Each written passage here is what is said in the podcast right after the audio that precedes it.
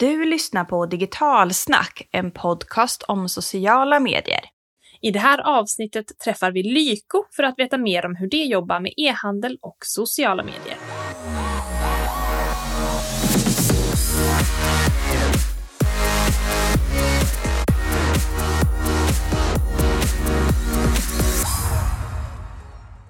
Hej och välkommen till ännu ett avsnitt av Digitalsnack social media-podd. Det här är ju podden som ger er en unik inblick i framgångsrika företags strategier i sociala medier. Mm, jag nickar här, men det ser ju inte lyssnarna. För i dagens avsnitt får vi ju nämligen veta mer om hur just Lyko, som är en jättestor aktör ändå i Sverige, skapar mer affärsnytta med sina sociala medier. Mm, vi vet ju att e-handel är väldigt komplext att jobba med. Och det vet ju framförallt du som jobbar med den här typen av kunder hos oss.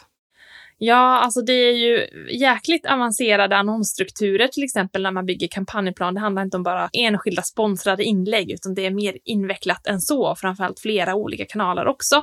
Mycket datainsamling och så ska man sålla bland all den här data man samlar och analysera och försöka dra någon typ av eh, key takeaways av all den data man har och kanske paralleller mellan olika kanaler som inte pratar med varandra och utöver det hålla koll på allt som händer i den här branschen där, som utvecklas så sjukt snabbt. Och det är inte bara branschen utan användarna utvecklar sitt beteende också. Så det är mycket att hålla koll på när man jobbar med en stor e-handel idag.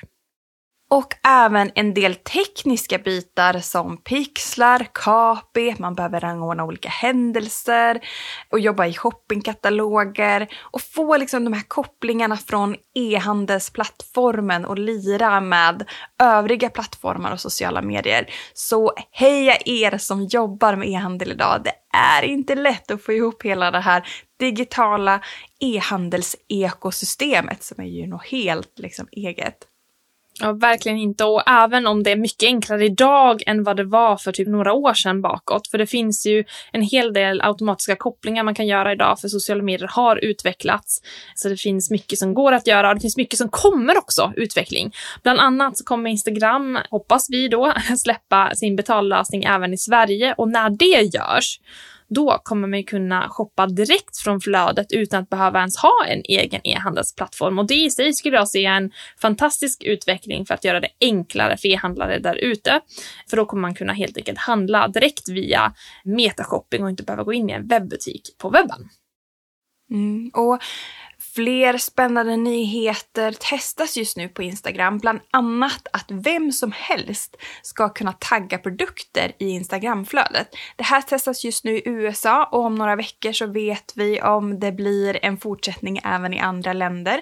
Men hittills har de möjligheten att tagga produkter i flödet bara varit exklusivt för företag och kreatörer. Men nu kan alltså du och jag som har ett privat konto kunna också tagga produkter för att inspirera andra till köp. Så vi får se om eh, den här kommer då även till Sverige så småningom. En spännande framtid för social shopping helt enkelt.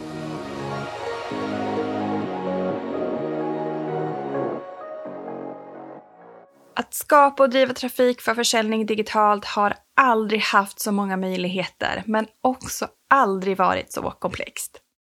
Vi fick en liten pratstund och en eh, inblick i hur det är att jobba med sociala medier och en av Sveriges mest framgångsrika e-handel.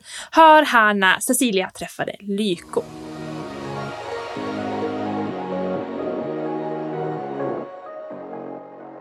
Varmt välkomna säger jag till David och Pauline till Digitalsnackpodden. Tack! Mycket. Hej! Ni jobbar ju till vardags med sociala medier på Lyko. Kan ni berätta lite kort om er själva och vad ni gör på Lyko? Vi kan väl börja med dig David. Yes, David heter jag och eh, jobbar som social media marketing specialist här på Lyko. Och jag har varit här i 11 år nu snart. Och eh, numera får jag säga, är min huvuduppgift att driva annonseringen i våra sociala kanaler.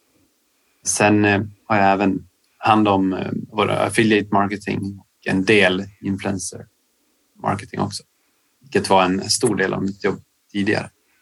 Snyggt! 11 år, då kanske ni tänker, ni som lyssnar, att oj, David måste vara jättegammal. Men du sa att du har varit på Lyko en tredjedel av ditt liv ungefär. Har du vikt åt eh, det här företaget, vilket är fantastiskt. Precis. Ja, nej, det är en riktigt spännande resa att få vara med på. Ja, det förstår jag verkligen. David, vad har du för bakgrund? Det är många som eh, är så nyfikna hur man kommer in på sociala medier. För det finns ju, för elva år sedan fanns ju inte direkt någon utbildning i sociala medier och knappt nu heller. Så hur kom du in på det här spåret? Ja, jag började jobba på, på lagret faktiskt, här i Vansbro. Så det var så jag kom in på Lyko till att börja med. Och sen eh, hoppade jag runt lite mellan olika avdelningar där, eh, där behoven fanns. Eh, jag var runt på ekonomiavdelningen en kortis och retur och reklamation och, och så där. Sen blev det väl aktuellt eh, att ta över lite mer av det här. Jag jobbade som webb, kallas det, webbproducent. Det var min första riktiga titel om man säger.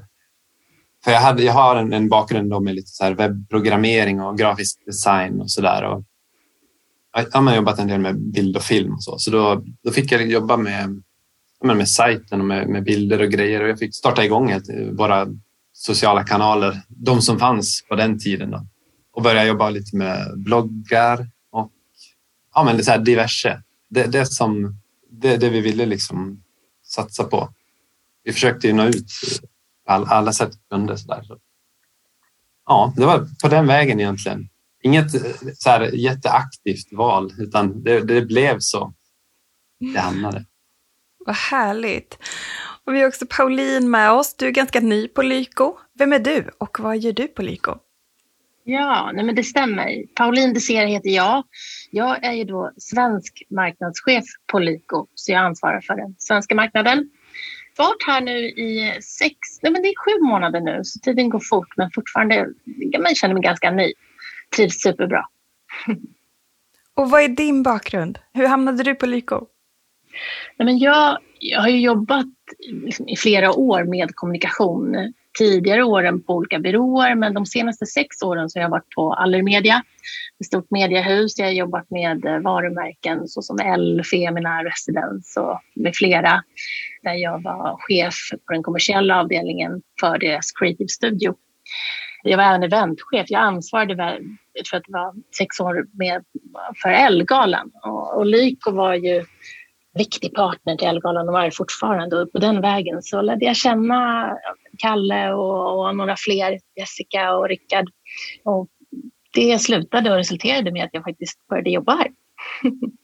Vad härligt. Alla vägar leder till Rom, eller till Lyko, vad det verkar som. Vi ska ju prata om er strategi både inom organiskt och paid för sociala medier med Lyko. Jag tänkte först innan vi, vi lämnar er, så tänker jag så här, vilket är ert favorit social media? Vart hänger ni mest frekvent? David?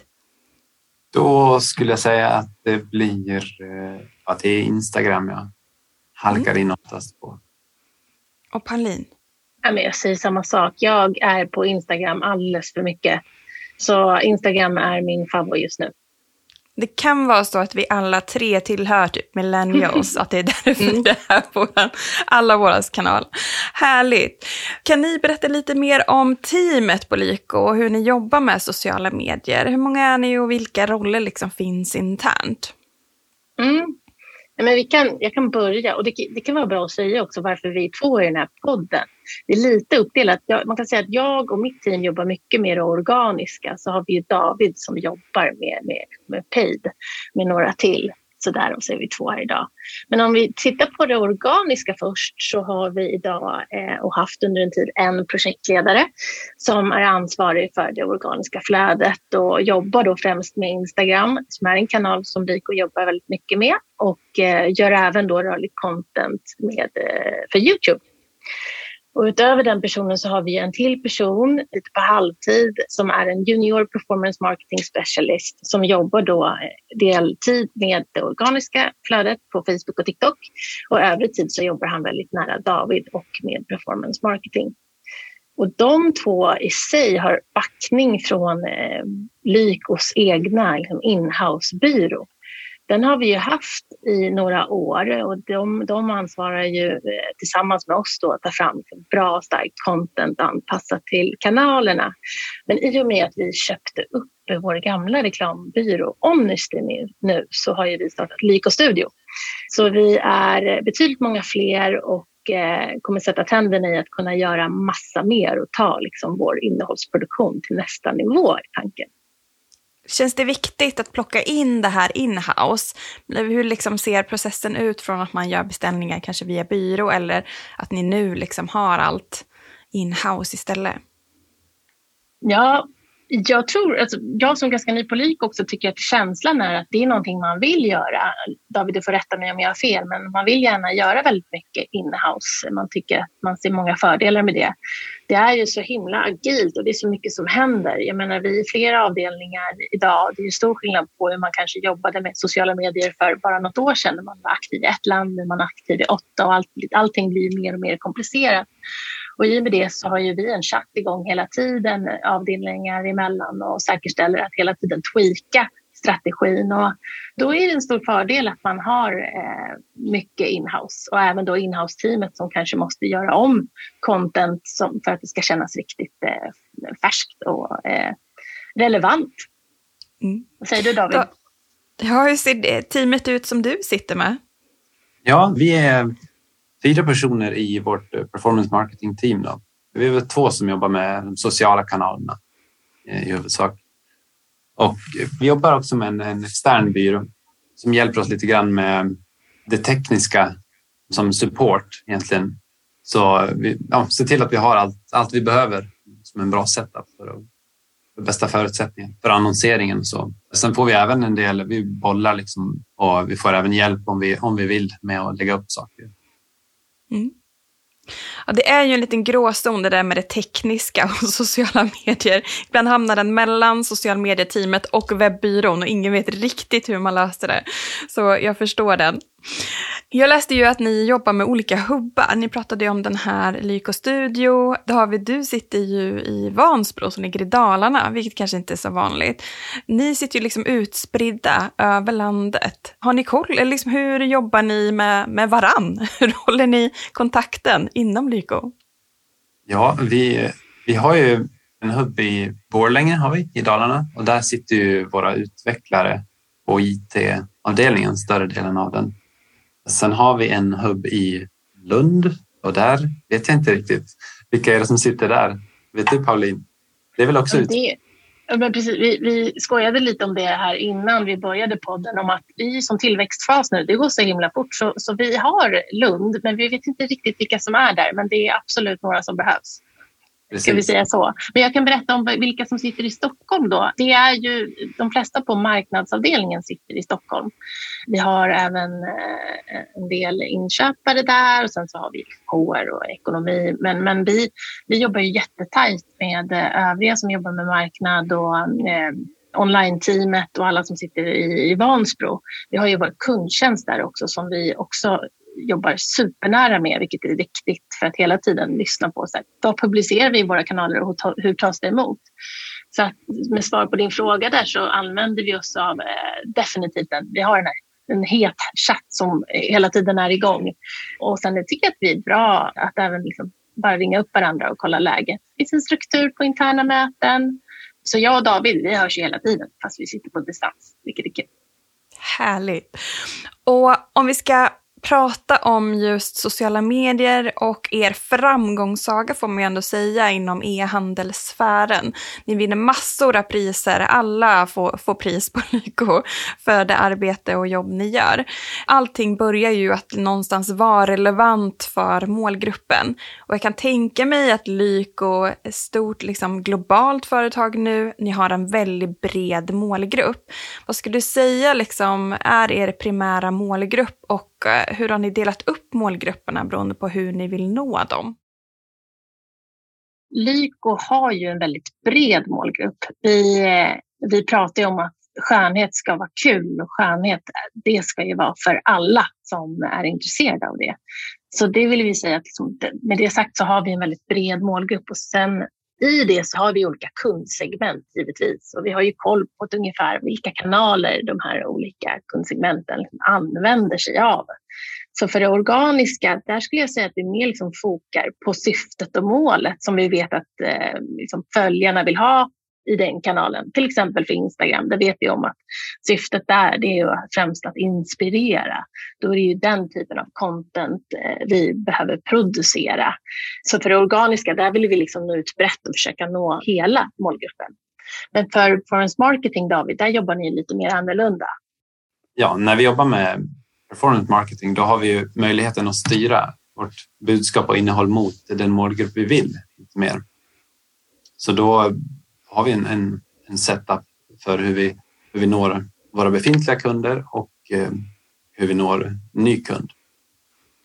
Snyggt. Och då kan ni också styra exempelvis, eh, du var inne på innan vi började podda här, David, att om ni har någon produkt som bara är för män så kan ni ju segmentera bara mot det. Och det är ju svårare organiskt, för där har man ju liksom sin följarbas.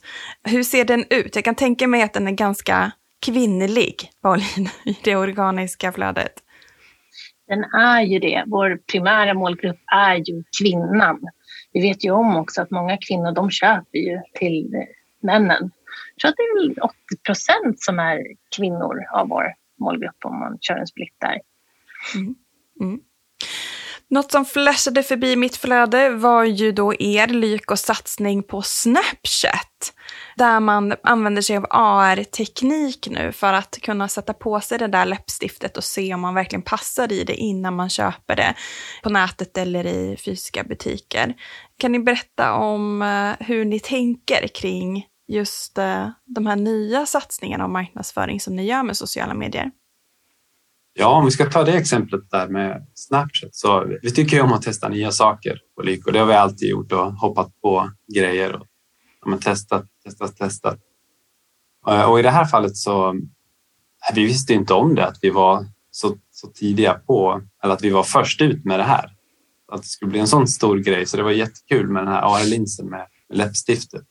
Det har ju gått jättebra performancemässigt och eh, det är väldigt högt eh, brandingvärde i den också. För man ser ju Lyko i bild där och vi har, om man ska prata CPM och så där så, så får man ju väldigt mycket för pengarna. Jag tror det ligger runt mellan 15 25 sekunder som, som användare interagerar med den här linsen. Och vi betalar inte mycket mer än vad vi gör för, för en annan visning som kanske svischar förbi flödet bara i en halv sekund. Så det är många, många fördelar. Snyggt. Och tror ni att en av huvudnycklarna till just att ni har lyckats med e-handel kopplat till sociala medier är att ni vågar att testa och att det finns en sån kultur hos er.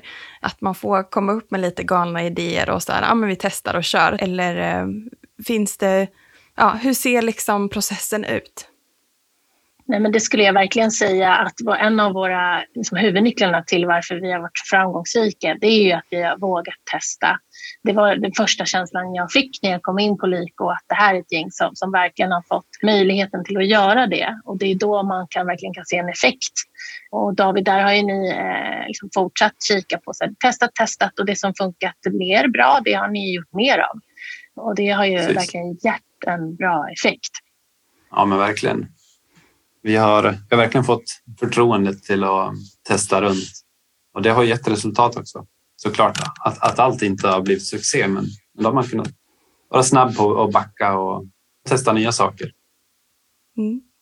Några fler saker som har gjort att ni har liksom lyckats med det här med e-handel kopplat till sociala medier. För det finns ju med social shopping, det exploderar ju just nu. Vi har ju liksom butiker och taggningar som kommer på Instagram som man kan göra organiskt. Finns det några fler sådana som ni vet? Jo, nej men en annan huvudnyckel är att vi verkligen har tagit del av eh, alla insikter som sociala medier ger oss jag menar, vi får så mycket därifrån. Genom att titta på vem kunden är så kan ju vi berätta för dem snabbt om vad de kommer köpa hos oss. Så sociala medier i stort är en jätteviktig informationsbärare för e-handeln. Sociala medier är fyllda av beteendedata kopplat till både LYK och nuvarande och potentiella kunder. Så kanalerna hjälper ju oss med att identifiera möjligheterna och analysera beteendena och identifiera vilka förväntningar våra kontakter har på Lyko som e-handlare också. Så det tycker jag ändå att vi ska lägga till som en liksom viktig huvudnyckel, att eh, vi tar del av alla insikter som sociala medier ger oss. Och då blir det en intressant fråga det här med iOS 14. Vi håller på att flytta över från Google Universal till Google Analytics 4. Det händer väldigt mycket med integritet, data. Hur ser ni och hur följer ni liksom den här utvecklingen och fortsatt pusha för en bra försäljning via digitala kanaler fast man är lite mer blind nu? Vi försöker ju hålla oss uppdaterade så gott det går på allt det här och är medvetna om att det att det förändras hela tiden. Så det, det enda vi vet med säkerhet är att det som funkade igår sannolikt inte funkar på samma sätt imorgon. Så det gäller att hålla sig uppdaterad och alert, men fortsätta våga testa. Nog en väldigt bra nyckel.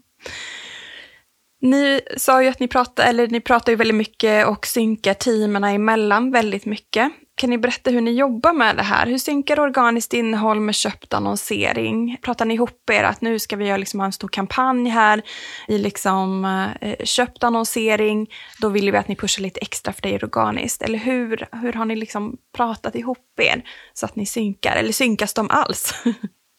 Jo, men de synkas absolut. Eh, det gör de vi har ju kampanjer pågående hela tiden. Och det är ju främst de som vi eh, eh, pratar ihop oss kring inför för att kika på hur vi ska göra det för att hålla en röd tråd i allting vi gör. Och sen därefter då så är det viktigt att vi även följer upp och det gör vi ju efter varje kampanj också just för att kunna tweaka och titta på vad som vad funkade bra. Var det något nytt vi testade och ska vi, ska vi kanske testa det igen? Men det kan vara värt att säga det här att vi i och med Lykos tillväxt så måste ju eh, absolut strategin också alltid hänga med och tills nu så har faktiskt inte Lyko haft någon formulerad sociala mediestrategi. Vilket fungerade förut eftersom alla satt fysiskt i samma rum. Men nu när organisationen växer snabbt och det är fler och fler inblandade som jag pratade om tidigare så har vi tagit fram en utarbetad strategi som vi snabbt kan dela i organisationen och kontinuerligt uppdatera för som vi tidigare nämnt så måste vi ständigt utvecklas. En strategi är ju levande. Så den stora skillnaden är att Lyko jag menar, var verksam i, i ett land bara för några år sedan och är verksam i åtta länder nu. Och det gör ju att allting blir mer och mer komplext. Vi har olika kampanjer per land och influencer marketing-samarbeten och event och PR-aktiveringar som vi vill lyfta i våra sociala medier och annat kul. Som ett exempel där så ser vi ju, vilket är bra nu, att nu har vi tagit fram den här strategin som vi ska eh, börja jobba med. Och som ett exempel, eh, Instagram, vi har ju ett konto idag för alla länder. Det var det vi började med. Men då är frågan nu, eh, är det det bästa för oss? Kan vi fortsatt vara relevanta för alla kunder genom ett konto då? Men mer om det kommer lite längre fram. Vad spännande, det blir lite cliffhanger här mm. som du lämnar oss med. Men vad spännande, för det känns som att det har varit en ganska lång period nu när alla liksom, företag, varumärken vill samla ihop, samla ihop, samla ihop. Och ni går lite åt andra hållet, att liksom segmentera. Och det går ju åt det hållet mer när vi tittar på kundbeteenden eller användarbeteendet i sociala medier. Just att man har liksom en intressestyrt socialt mediatänk. Och nu är vi ju supernyfikna. Vi vill ju få det här superreceptet. Vad är det som funkar när det kommer till det organiska och köpt? Så Pauline, du har ju facit, eller hur? Vad är det man ska skapa i det organiska, i alla fall när det kommer till Lyko, för att lyckas och få effekt? Ja, nej men jag, som sagt, jag kan prata lite för det organiska och vad vi tycker funkar. Vi kan ta Instagram som ett exempel då vi arbetar mest med den kanalen organiskt idag. Det är verkligen, jag sa ju det, det är min favoritkanal, men det är inte alls så. Alla kanaler är viktiga vill jag bara få sagt. Men vi vet att det främst är inspiration vi ska jobba med på Instagram, så då gäller det att fokusera på det som syfte i det content som vi skapar. Exempelvis så delar vi med oss om det senaste inom beauty hacks och lanseringar och vi vill inspirera kunden till att testa nya alternativ på produkter och visar och förklarar hur produkter kan användas. det är det som funkar bäst för Instagram. Sen har vi ju de övriga kanalerna med andra syften som måste tänkas på när vi producerar innehåll. Som exempelvis TikTok där vi vet att man vill bli underhållen. Snapchat, där eh, ska vi vara sociala och Youtube, där, vi ska, där ska vi fördjupa oss i ämnen och utbilda oss och så vidare. Så varje kanal har ju sitt syfte. Så det, det fokuserar vi väldigt mycket på när jag lägger en beställning mot Lyko Studio som tar fram allt eh, content som vi gör. Och nu med Instagram, det blir ju mer komplext att jobba med bara den kanalen. Vi har ju liksom flödet, vi har stories och vi har reels. Hur jobbar ni med alla de delarna med Instagram? Ja, men nu när vi har tagit fram en mer, liksom, en mer komplett strategi, en innehållsstrategi, så kommer ju de här delarna till att bli jätteviktiga. Och igen det här med att vi, vi skräddarsyr innehållet till varje del egentligen samtidigt som det är viktigt att vi håller en röd tråd. Så om det är så att vi till exempel vill, eh, en typisk grej som vi vill göra på Instagram som kanal är ju att prata om senaste eh, lanseringar inom skönhetsprodukter. Då blir det ju verkligen att vi vill skapa eh, liksom storytelling med alla de här som kompletterar varandra. Jag skulle också säga att det varierar för varje grej vi gör. Allt har ju sitt behov, så det beror lite på vad vi vill lyfta och på vilket sätt vi då behöver prata med konsumenten. Mm. David då, när det kommer till köpt annonsering, finns något bra recept där? Ja, finns det något bra recept? Eh, jag tycker att vi, vi håller på med ett bra recept hela tiden. Det, det funkar ju bra det vi gör. Och jag vet inte riktigt eh, vad hemligheten är bakom. Jag tror att vi har väl liksom lärt oss, byggt upp en kompetens genom åren och vi väljer nog omedvetet bort saker som, som inte funkar. Eh, och vi känner oss liksom trygga med det. Vi, när vi lyfter ut saker så då har vi, känner vi oss trygga med att det är bra material. Vi har beställt bra grejer och vi, när vi gör bra content så då levererar vi ofta på det. Både när det kommer till eh, branding och mer taktiska konverteringsdrivande kampanjer. Sen är den stora utmaningen nu är ju att det som funkar i våra mer etablerade marknader, det går inte riktigt att bara kopiera det över till nya marknader där Lyko inte är lika välkända. Så det är, väl, det är den stora utmaningen just nu, att hitta sätt på nya marknader. Mm. När vi tittar på den svenska marknaden där ni har varit etablerad ganska länge och ni har säkert bättre koll på målgrupperna, hur de reagerar och så. När det kommer till målgruppsanpassning och eh, när ni bygger upp målgrupper för då paid, jobbar ni mycket med, ja, med befintliga målgrupper som ni vet eller testar ni även där nytt? Jobbar ni mer mot liksom, interaktion och mer liksom, varma? Eller också jobbar ni med kalla målgrupper för annonseringen? Ja, men där skulle jag säga att det är både och vi har ju ett fokuserat arbete mot befintlig varm målgrupp som får ett typ av budskap och vi bearbetar dem på ett sätt och sen ett annat mot ny kund. Men sen har vi kampanjer som, som lever liksom sådana tillfälliga korta kampanjer veckovis och våra reaperioder och då, då försöker vi, liksom, där vill vi få med alla på något vis i de här korta stötarna. Då brukar vi dela upp, eh, ja, skapa olika adsets med olika målgrupper i varje. Så antingen får de en, en, en varsin separat spend eller så lägger vi ihop alla de här och så får de liksom köras mot varandra. Där det går bäst, där läggs pengarna. Mm.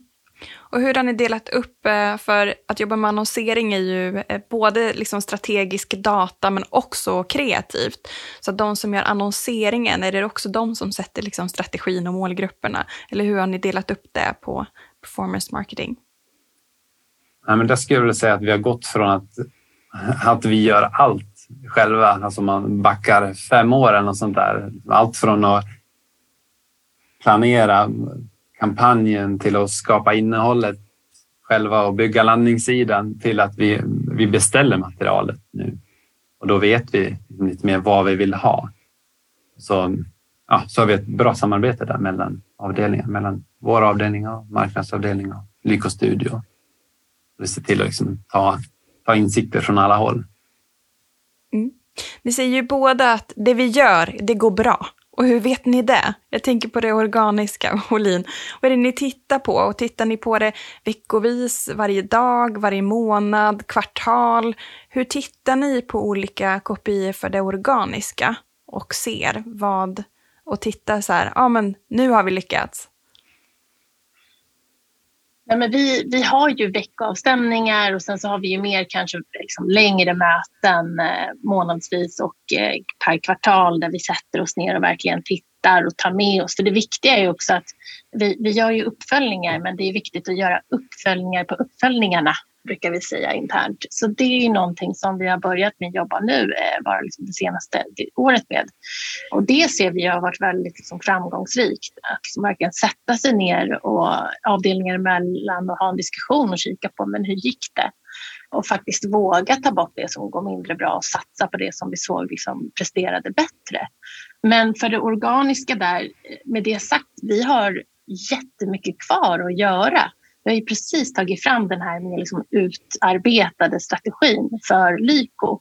Och eh, som jag nämnde tidigare, det är ett bolag i extrem tillväxt. Det har hänt jättemycket och vi är verksamma i flera länder och behöver liksom eh, vara relevanta för alla då. Och då så det kommer ske mycket förändringar längre fram som man absolut kommer se i vårt organiska flöde. Snyggt. Och David, då, vilka kopior eller liksom nyckelfaktorer kikar ni på och hur ofta? Ja, I vårt team eh, där det handlar om första hand performance marketing så kollar vi på ROAS, till exempel cost of sale. Det är två väldigt viktiga kopior. Så vi ser till att hålla dem på bra nivåer. Det är en utmaning som vi pratade om tidigare med tekniken och så där att eh, när det blir en kort kampanj så där, då är då blir det lite av en chansning. Man har inte så mycket, om det är en, en rea på en vecka, man, man hinner inte göra så mycket. Köpen, liksom, attributionen gör ju att man, man ser ju datan i efterhand och så där. Så det gäller att ta liksom med sig insikter från tidigare kampanjer när man lägger en sån plan. För det är inte helt lätt jag skulle, gällande det organiska och vilka kopior som vi tittar på där, där är det ju definitivt liksom hur många följare vi har och, och, ökar med frekvent. Och sen så är det ju vår engagement rate, så här, hur ligger vi till där? Jag tror att ni har pratat om det i tidigare avsnitt, att man ska ju bara posta det man känner är starkt nog och liksom ta bort det som inte känns relevant. Och det är någonting som vi kommer jobba mer med framåt och, och gör för att liksom bibehålla den där höga engagement raten som man vill ha. Härligt.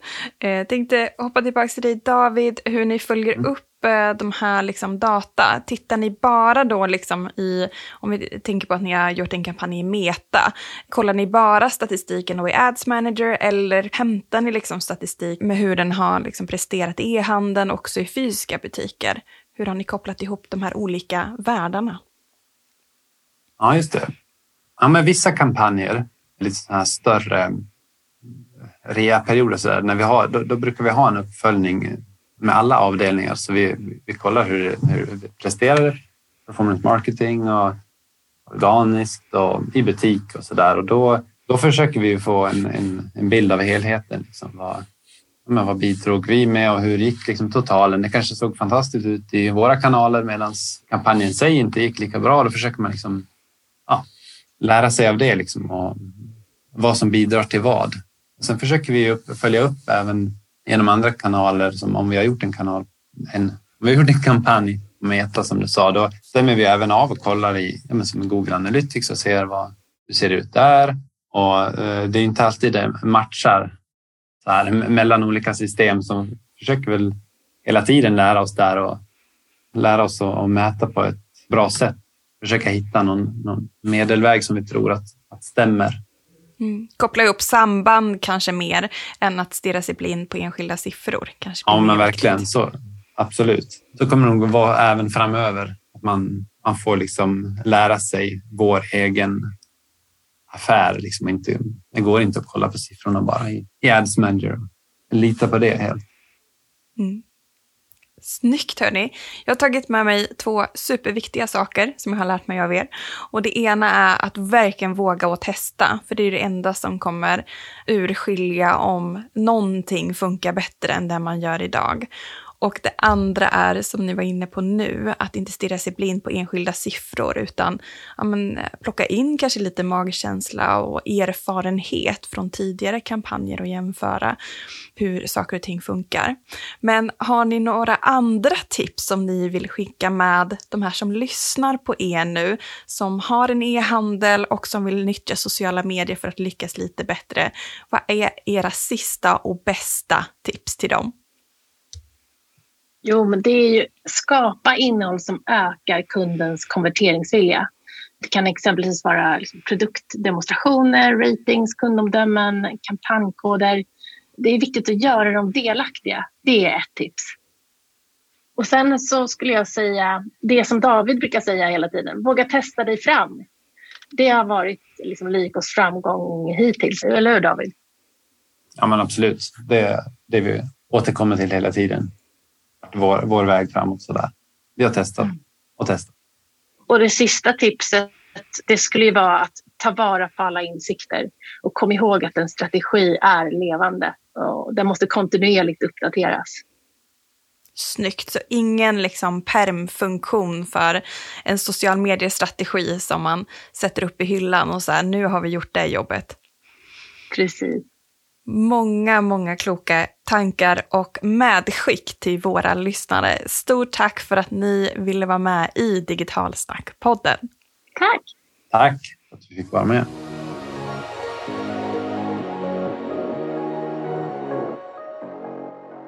Stort tack för att ni har lyssnat på det här poddavsnittet. Sista inför sommaren. Mm. Så uh, passa på nu under sommaren när ni ligger på badstranden eller om ni är ute sena kvällar och tar en promenad eller liknande, att lyssna i kapp eller upptäcka några av våra 128 stycken andra poddavsnitt så hörs vi igen den 6 september. Tack och hej!